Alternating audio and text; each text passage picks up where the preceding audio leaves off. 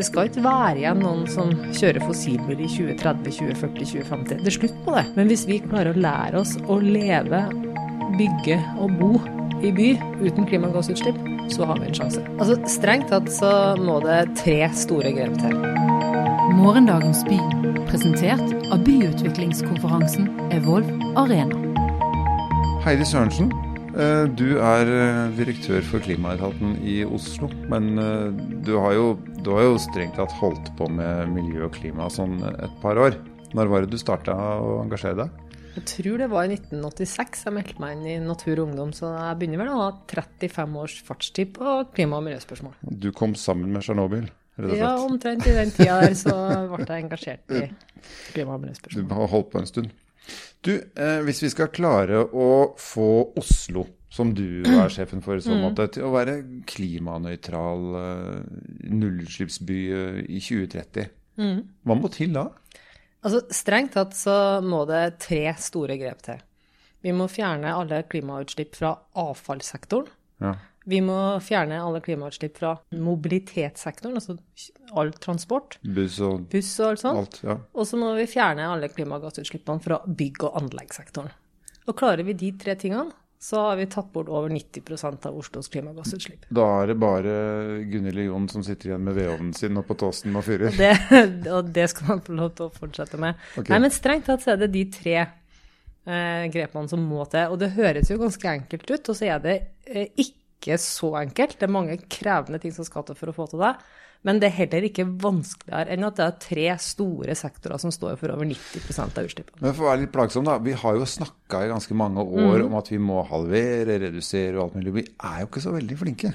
Altså, vi, vi får til litt lokalt, men sånn totalt sett i landet vårt så er vi jo ikke spesielt gode. Nei, eh, det, det har tatt sin tid. Og jeg tror nok at eh, 2000-utgaven av meg hadde vært litt sånn eh, deprimert hvis eh, noen sagt at om 20 år så står vi akkurat der vi er nå. Vi hadde jo håpa at ting skulle gå raskere, hvis vi ser tilbake for 20 år siden. Samtidig så har det jo så skjedd eventyrlig mye. Eh, bare på den tida jeg har vært eh, i Oslo kommune i Klimaetaten. Når jeg begynte, så sto jo oljefyring i Oslo for over 20% av utslippene til Oslo. Og nå er det forbudt og borte. Ja. Så det er bra. Ja, Og det det, det var knapt eh, det, Vi husker vi var kjempefornøyd da nybilsalget visste at det var 10% som hadde kjøpt elbil. Mm. Og det var jo fantastisk. Eh, Og i forrige måned så fikk vi tall på at det var faktisk av ny, tunge lastebilsalget over 10 Ja. nå, så så det, det har beveget seg betydelig også på handlingssida de siste årene. Men nå har man jo hatt incitamenter. Vi har vært så heldige i Norge. fordi at vi har jo skattlagt eh, altså Heldig litt i godstein, men altså vi har jo skattlagt biler ganske kraftig, eller avgiftsbelagt ganske kraftig. Og det har gjort at vi har hatt et handlingsrom. Vi har på en måte kunnet redusere det der. Ja. eh, og gjøre elbilene veldig mye billigere. Men nå begynner jo sant, statskasser og andre kasser å bli litt sånn opptatt av at de pengene må jo komme inn på en eller annen måte òg. Du jeg har vært med så lenge at bare for å være helt tydelig på det, Ja. det har nok dem som har forvalta statskassen alltid vært litt opptatt av. Så, så de insentivene har ikke kommet gratis. Det har vært fordi at noen har villet det, og villet det veldig hardt. Ja, men spørsmålet er, kan vi holde på dem? Tror du? at- Ja, eh, i den forstand at det som er viktig for å gjøre eh, el, altså nullutslippsbiler da konkurransedyktig, Mm. er jo ikke at de skal eh, Er jo differansen til det som er fossilt. Ja, så du tenker at Ok, så du sånn. tenker at når vi kan bare jekke opp prisen på det fossile enda mer, så, så holder vi elbilene relativt Jo, sett billig? det, er jo, det er jo det, hvis vi skal få det til, så er det jo det vi er nødt, nødt til å gjøre. Mm. Sørge for at vi har en differanse som gjør at det er konkurransedyktig. Ja. Jeg syns det er ganske sånn eh, rett fram enkelt. Fordi at vi skal Det skal være lønnsomt å velge det klimavennlige. Mm. Og det skal ikke lønne seg å velge det som forurenser. Men man kan jo bli litt upopulær òg. Folk kan føle liksom at det er jo ikke noe, Mm. en ubetydelig liksom, reaksjon på kanskje, kanskje byene er mer villige til å se det, fordi de har en type Mm. Ja. forurensning som de kjenner sjøl, og de syns det er deilig at det er stille i Mm. byen, og bilene går rolig og ikke slipper ut noe. Men allikevel så er det jo en- på en måte en kamp òg. Ja, og det er, det er mange som syns det er vanskelig. Og eh, Samtidig så tenker jeg at det vi står oppi nå når det gjelder transportsektoren, er jo et systemskifte. Eh, og det systemskiftet handler om at vi skal bruke en annen form for energi. Når vi eh, får bil, varebiler, buss og lastebiler til å gå framover. Vi skal gå fra fossile energikilder til fornybare, og vi skal bruke strøm som energibærer og ikke bensin eller diesel. Og da er det jo sånn at uh, vi må innrette politikken ut ifra at det skal ikke være igjen noen som kjører fossilbil i 2030, 2040, 2050. Det er slutt på det. Og den utviklinga ser ut til å gå fort. Og kanskje er det sånn at den elektriske motoren er så god at i realiteten er det den som utkonkurrerer forbrenningsmotoren. Tror du at altså en, en, ting er i byene, for der er mm. på en måte uh, der uh, gevinsten er stor lokalt, da. Uh, utslippsmessig og sånt. Mm. For det er så mange biler på ett sted. Men tror du dette også kommer til å skje utover landet på samme måten? Ja. Tror du altså at Altså egentlig så er jo Din hjemplass, da? Tror du ja. de vil like, være like elektrisk bilkjørende som Oslo-befolkningen? Jeg vil jo kanskje se i større grad. Altså, en elektrisk bil er jo har jo enda større nytteverdi i, i Distrikts-Norge, hvor de fleste har egen parkeringsplass, kan lade alt hjemme. Mm. Rekkevidden er ikke lenger et problem. Så egentlig så er jo elektriske biler nå vil jo være veldig egnet for bruk i Distrikts-Norge. Her i byen kan vi jo reise kollektivt, vi kan sykle, vi kan gå. Vi har jo mange andre alternativer. Diskusjonen om sånn bilfritt byliv, mm. eh, og så kommer sparkesykkelen, mikrotransport. Ja. Eh, og så, eh, altså, Det virker som om på en måte all transport får masse kjeft for de som på en måte rammes av det, og så er det en kjæledegge for de som har det. De som har bilen sin, elsker mm. bilen og mener at næringslivet går, går, går dukken uten bilen. Mm. De som nå snubler i sparkesykler, mener at det er grusomt. De som mm. bruker det, mener at det er det fineste som fins. Ja. Altså, hvordan skal man klare å manøvrere politisk eh, i et sånt landskap eh, når man er sjef for eh, klimaetaten i Oslo kommune? Nei, men Da slipper vi heldigvis å manøvrere så veldig mye politisk. Men vi, vi manøvrerer jo først og fremst ut ifra å legge til rette for at de transportformene som ikke fører til klimagassutslipp, og de som transportformene som er med og bidrar til at Oslo blir en bedre by å bo i for alle, de skal ha fortrinn. Mm. Og uansett at om vi får til å elektrifisere bilparken i Oslo, så vil jo kollektivtransporten være ryggraden i transportsystemet i Oslo. Og det må jeg si at hvis det er noe som har gjort vondt i hjertet det siste året, så er det jo når vi har anbefalt folk å ikke reise kollektivt pga. korona. Og nå ser vi liksom enden på det snart. Og det blir veldig spennende å se hvor mange som finner veien tilbake til trikken, bussen og banen. For eh, vi er helt avhengig av en god kollektivtrafikk om Oslo skal være en god by å bo i. Er du redd for at uh, for mye iver etter å kaste elbiler ut av kollektivfelt, det har skjedd til en viss grad, til, i fullstendig grad noen steder. Uh, bompenger som blir innført, årsavgift som kom. At det skal gjøre folk mindre klare til å skifte til uh, grønn, grønne transportmidler for, for sin egen del? Altså, vi har vært opptatt av at uh, vi skal være forsiktige med å ta bort fordelene. Også fordi at det ikke nødvendigvis er, noe, er matematikk. Det er mye følelser knytta til ting, og det er mye signaleffekter. Så uh, det viktige for oss har vært at uh, når det gjelder de økonomiske insentivene, at det skal lønne seg å velge klima- og miljøvennlig. Og da må differansen mot fossil og bensin opprettholdes som et minimum. Mm. Helst burde den øke framover. Men jo, men det blir færre og færre fossilbiler og flere og flere elbiler. Ja. Så et sted må pengene komme fra ja. Og jeg, og jeg tror at det er fornuftig at elbiler skal være med å betale f.eks. i bomringen. Mm. Men uh, det skal ikke være sånn at differansen blir mindre opp mot bensin- og dieselbiler. Nei. Og så mange som har diskutert forskjellige innretninger, og det kan man mene forskjellige ting om. Men uh, ett forslag har liksom gått på at uh, hvis du kjøper nye en ny dieselbil i dag, så er det ingen grunn til at måte, ikke du skal på en måte skjønne at det var ikke noen lur investering i Oslo. Eller, eller hvilket som helst annet sted. Mm. Nå er det jo faktisk sånn at alle, alle, alle som investerer i bensin- og dieselbil nå, står jo i fare for å kjøpe noe de ikke får solgt som bruktbil engang. Mm. Ja, man, eh, men det er jo også sånn, det er jo mer og mer vanlig også å lease biler, fordi mm. man vet ikke om hybridteknologien ja. står seg. Noen som mener at elbilen ikke står seg, mm. skal opp i hydrogen osv. Så, videre. så det er, en, det er en ganske betydelig usikkerhet da, mm. rundt objekter som kanskje koster en halv million kroner, ja. og som du eh, ikke har råd til å bomme på sånn investeringsmessig? Eh, da er det jo ikke Det er jo fornuftig å finne andre løsninger. Men jeg har vært medlem av bilkollektivet i 20 år. Sånn at eh, hvis vi trenger bil en helg, så har vi muligheten til det. du bruker bil når du må? Nå, ja, Ja. det syns jeg er jo helt fornuftig. Mange, mange som uh, gjør det. Mm. Men jeg slipper å ha en stor, stor investering stående på gata i Oslo og ta opp plass og ta opp verdi. Ja, og ta opp verdi. Ja, den gjør Jeg sparer jo utrolig mye penger på å være medlem av bilkollektiv og ikke eie en bil. Ja.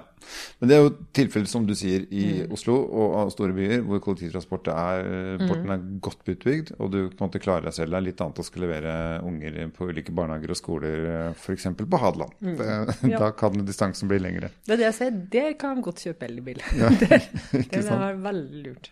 Du nevnte avfall. Ja. Hva er det som gjenstår der? Jeg trodde vi var blitt så flinke. Nesten ikke måker igjen fordi at vi ikke åpner søppelbønger. Og jeg trodde liksom at nå, nå lagde vi varme av alt. Nei, altså det er altfor mye plast som kastes. Og når vi kaster plast, så, og det ikke eh, går til materialgjenvinning, så forbrennes det, og da blir det klimagassutslipp. Når vi forbrenner plast i forbrenningsanleggene på Haraldrud eller Klemetsrud, så blir det jo CO2-utslipp av det. Mm.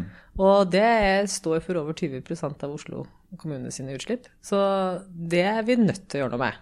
Da er det strengt tatt to innganger til det. Det ene er å bruke mindre plast, og sørge for at vi får den plasten vi bruker inn i sirkulære systemer. Du snakker om at den da ikke skal brennes opp. Den skal liksom. Gjenbrukes, gjenbrukes og gjenvinnes. Ja. på nytt og på nytt. Mm.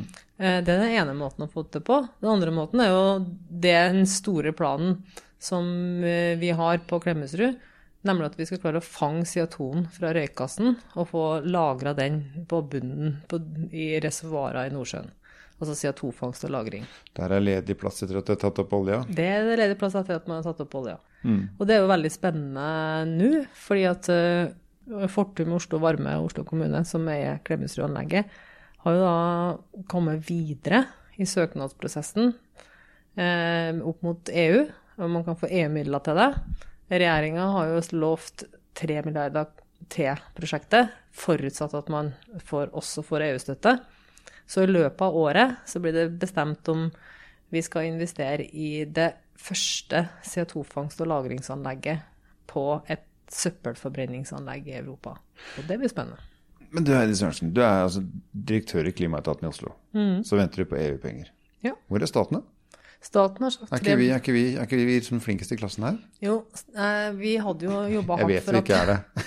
Men vi hadde jobba hardt for at vi skulle få eh, Det skulle bli to allerede i første, første del av beslutninga som kom i fjor høst. Så ble det en og en halv, Okay. og vi var den halve. Men det ble CO2-fangst på Brevik, på sementfabrikken. Og så sa man at eh, Oslo kommune skulle få, Oslo sitt prosjekt skulle få 3 milliarder, forutsatt EU-støtte. Ja. Så da var det bare å brette opp armene og jobbe for det. Og så langt har det gått bra. Man er med i finalerunden. Så vi krysser fingrene for at eh, vi kommer hele veien inn. Og bare for å si hvorfor dette er viktig, da. Det er jo ikke bare for Oslo sine klimagassutslipp. Hvis vi løser dette, så finnes det 450 anlegg på samme størrelse som Klemetsrud.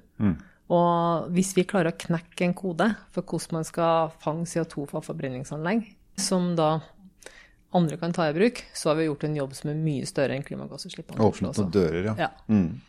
Er du litt glad for EU? Ja, De ligger jeg... langt framme i skoa når det kommer til disse spørsmålene. Ja, Det er veldig spennende det som skjer på som Jeg, har- jeg syns liksom norske oversettelsen er litt rar, men det vi kaller den, green, den grønne dealen Ja, i EU, green deal. Den green deal. Syns de gjør mye spennende. Også på sånne ting som eh, innovative ordninger knytta til avgift på plast. Og styring av pengestrøm. Som da styrer masse pengestrømmer. Mm. Det, er, det, er virk, det er spennende. Og investeringer i grønn teknologi, investeringer i klimaløsninger, og også på en måte sett makt bak krav. Så det at Norge er slutta til EU sin, sin klimahandlingsplan, det tror jeg er fornuftig. Og det gjør, gir oss nok drahjelp på en, på en rekke områder. Så eh, det er ingen tvil om at EU har vært eh, i en stund hvor f.eks. USA var langt langt ute i Trump-land, Mm. eh, har vært, eh, langt for, vært foran.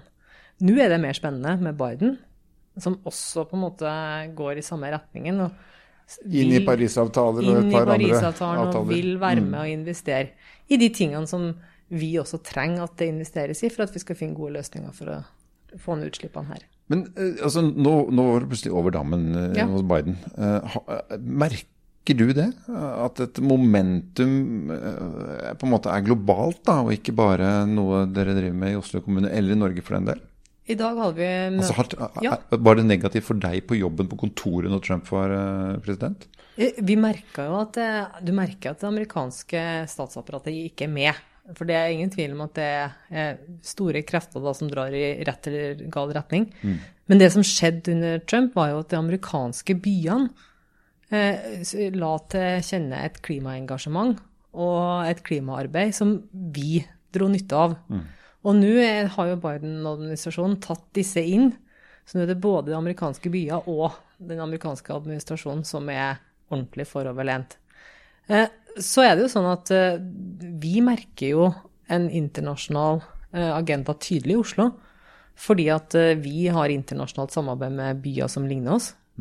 Og senest i dag så har vi hatt møte med bygg- og anleggsindustrien i Europa for å se hvordan de kan være med, stille, være med og sørge for at vi får utslippsfrie anleggsplasser. Eh, og da trenger vi utslippsfrie anleggsmaskiner. Så er vi i Oslo er vi en ganske stor by i Norge, men vi er en ganske liten by i verden. Og selv om vi etterspør utslippsfrie anleggsmaskiner, så er ikke det sikkert at de store maskinprodusentene nødvendigvis produserer dem likevel. Derfor er vi avhengig av å få med andre byer, andre land, til å være med og etterspørre de samme maskinene. Men og når folks- det skjer, så Men folk som har fulgt med litt eh, når det har blitt lagd nye gater og sånn i Oslo nå, har jo sett faktisk gravemaskiner med elkabel i som har stått og summet eh, på fortauene og gjort jobben. Ja, er ikke det kult? Jo, det Og det var, det var sånn her Når vi um, stadig vekk ønska fra både industri eh, og myndigheter og andre byer om å få vist fram det eksempelet med et utslippsfri anleggsplass. Sånn som vi gjorde da vi oppgraderte Olav 5.s gate. Og Det var var jo, det. Ja, det var jo kult. Ja. Det var jo et, vi hadde jo kontor rett ved, så vi sto jo hadde førstehåndsutsikt og fulgte med på prosjektet. Og det var på det meste tre elektriske gravemaskiner, og da syntes alle at det var storveis å være ute og se. Når det bare rasler i sand og du hører ikke noe mer. Ja, men, det, er, men det, det har jo noen fordeler også. Jeg tror jo at det at vi da går vekk fra en del av de fossile energikildene eh, og legger vekk den måte, bråkete forbrenningsmotoren, eh, gjør at eh, klimatiltakene bidrar til å oppgradere byen til å bli en bedre by. Og det miljøtiltak gjør stort sett byen bedre. Det gjelder også de tiltakene vi gjør. Du mener en oppside er at det blir stille og Stille, lukter mindre? lukter mindre. Klimatilpasningstiltakene gjør at byen blir grønnere. Det blir flere gågater. Vi har åpna bekker, så vi har åpna elver. Det er liksom mer, mer liv i byen. Så sånn sett så er nok disse klima- og miljøtiltakene med på å gjøre byen til en bedre by å bo i. Og så må man jo huske på at eh, da du og jeg var små, Mm. hvis du falt i vannet på Sørenga, Ja. eller på det som kalles for Aker Brygge nå, Ja. da måtte du på sykehus. ja. Så forurenset var Oslofjorden. Husk det at nå er det eh, badeplasser der. Når jeg jobba i Natur og Ungdom på begynnelsen av eh, 90-tallet, da var det jo sånn at eh, Aker Brygge var hotspot for PCB-forurensning, miljøgiftforurensning. Det var det mest forurensa stedet i hele Norge. Og jeg husker på vi diskuterte en gang at vi, skulle, vi kanskje skulle ha som sånn målsetning at vi skulle kunne bade i indre Oslofjord. Nei, det syns folk var teit, ja. Ja. Nei, det var dumt. Bade, bade innenfor Håøya var, Ja, det var liksom helt utenkelig. Men altså, det viser jo at eh, miljøtiltak har bidratt til å gjøre byen til et mye bedre sted å bo. Nå, altså, det, du kan, jeg tror, det er jo så fullt på alle badestrendene i indre by at du kan jo kan godt få godt lag mange flere. Ja, det, jeg tror ikke du klarer å mette det behovet. Nei. Men Heidi Sørensen, eh, du begynte i 86, Mm. Naturungdom. Eh, det begynner å bli en stund Det siden. begynner å en stund. Vi kan være enige om at det har skjedd mye. Mm. Miljøet er mer enn bare klimautslipp. Mm. F.eks. at man har en mye renere Oslofjord. Mm. Eh, hvis vi kaster blikket fram til 2030, da. Mm. Kommer det til å skje like mye, like stort? Just. Eller er du litt bekymra for at det, det blir for mange etater og for lite penger og for mye politisk krangling, og så ender det liksom Vi prøvde, men det gikk ikke. Jeg tror at momentumet for handling aldri har vært tydeligere enn det nå, altså. Og jeg tror det er grunn til å være være klimaoptimist. Også når du ser på den bredden i engasjementet som er blant folk, men også blant, eh, ikke minst blant næringslivet, som har tatt fatt i spørsmålet på en helt annen måte enn hva man hadde før. Jeg husker på i gamle dager som når vi som var opptatt av miljø skulle snakke med næringslivet, så ble vi liksom henvist til liksom samfunnskontaktene. Ja. Det var de som skulle Ikke forretningsutvikleren. ikke forretningsutvikleren. Ikke sant? Nå er, det forretnings, nå er det forretningsideene basert på at vi skal løse klima- og miljøspørsmålene som står i dagsordenen, og det er en helt, helt annen agenda. Så det går mye fortere. Og jeg tror jo fremdeles at eh, menneskeheten er i stand til å løse de problemene man sjøl har skapt. Og dette er et sånt eh, problem. Og så tror jeg at vi som i Oslo kan være med og gjøre en jobb som er større enn oss sjøl. For meg så er det ganske viktig å se at, eh, at vi er i en global kontekst. Hvis vi ser på befolkningsveksten, så skjer den bare i by globalt. Og innen 2050 så vil det bo 2,5 milliard flere mennesker i by. Det betyr at hver eneste uke så blir det bygd en by på størrelse med Stockholm. Og hvis Fram til 2050. fram til 2050. Hver eneste uke. Og hvis den blir bygd ved hjelp av klimagassutslipp, eller sånn at vi må drifte den med klimagassutslipp, så kan vi bare vinke farvel til Parisavtalen. Men hvis vi klarer, oss, klarer å lære oss å leve, bygge og bo i by uten klimagassutslipp, så har vi en sjanse. Og det er den jobben som jeg er holde på med å prøve å få til. Å finne noen løsninger som vi kan være med å eksportere til andre. Og vi bør vel egentlig bo i by også, hvis vi skal være grønne nok. Det er i hvert fall ikke noen ulempe at eh, det er sånn at vi klarer å få mennesker til å bo på en sånn måte at vi ikke trenger å frakte oss veldig langt hver dag. Og det er jo en veldig spennende ting som har skjedd siste året, eh, hvor vi har reist mye mindre. Og hva som skjer når korona er over, blir da veldig spennende. Om vi eksploderer i reising, eller om vi tenker at nei, det var ganske ålreit med til i hvert fall tre dager i uka hjemme. Ja, vi har hatt undersøkelser hos oss, og eh, det er nok et flertall flertall sier at eh, hvis man hadde bestemt helt sjøl, så ville man hatt i hvert fall én til to dager på hjemmekontor. Jeg har også hørt folk som eh, bor i Asker og jobber i Oslo og bare sier sånn Sorry, skal aldri tilbake til kontoret. det syns jeg som arbeidsgiver er litt skummelt, men, men, eh, men det er klart at jeg tror nok dette har endra oss på en måte. Dette er liksom oppsida av det. Nedsida av det er kanskje at eh, folk sier at nei, jeg har ikke lyst til å stå trangt på trikken og T-banen lenger.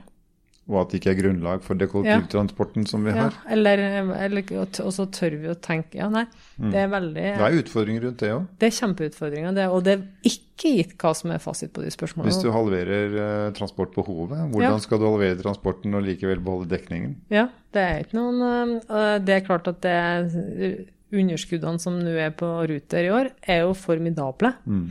Og hva som vil skje, vil folk komme tilbake, og i hvor stor grad folk vil komme tilbake, er et kjempeinteressant spørsmål. Altså, det er vondt for oss som har jobba for at folk skal reise kollektivt Ja, ja. i 30 Det har jo år. vært sangen, sangen i 30 år. ja, ja, ja, og at liksom vi plutselig skal ut og si at nei, det skal dere ikke gjøre. Det, er, det, har gjort, det har gjort vondt, altså. Ta elbilen isteden. Ja, ja, men det er liksom det er ikke plass til at alle skal over på det. Det er kollektivtransporten som er ryggraden i transportsystemet, og som gjør Oslo til den byen Oslo er. Der er en nøtt som må knekkes. Mm. Heidi Sørensen, takk for at du kom. Bare hyggelig. Du har lyttet til podkasten Morgendagens by. For mer informasjon, sjekk evolvarena.com.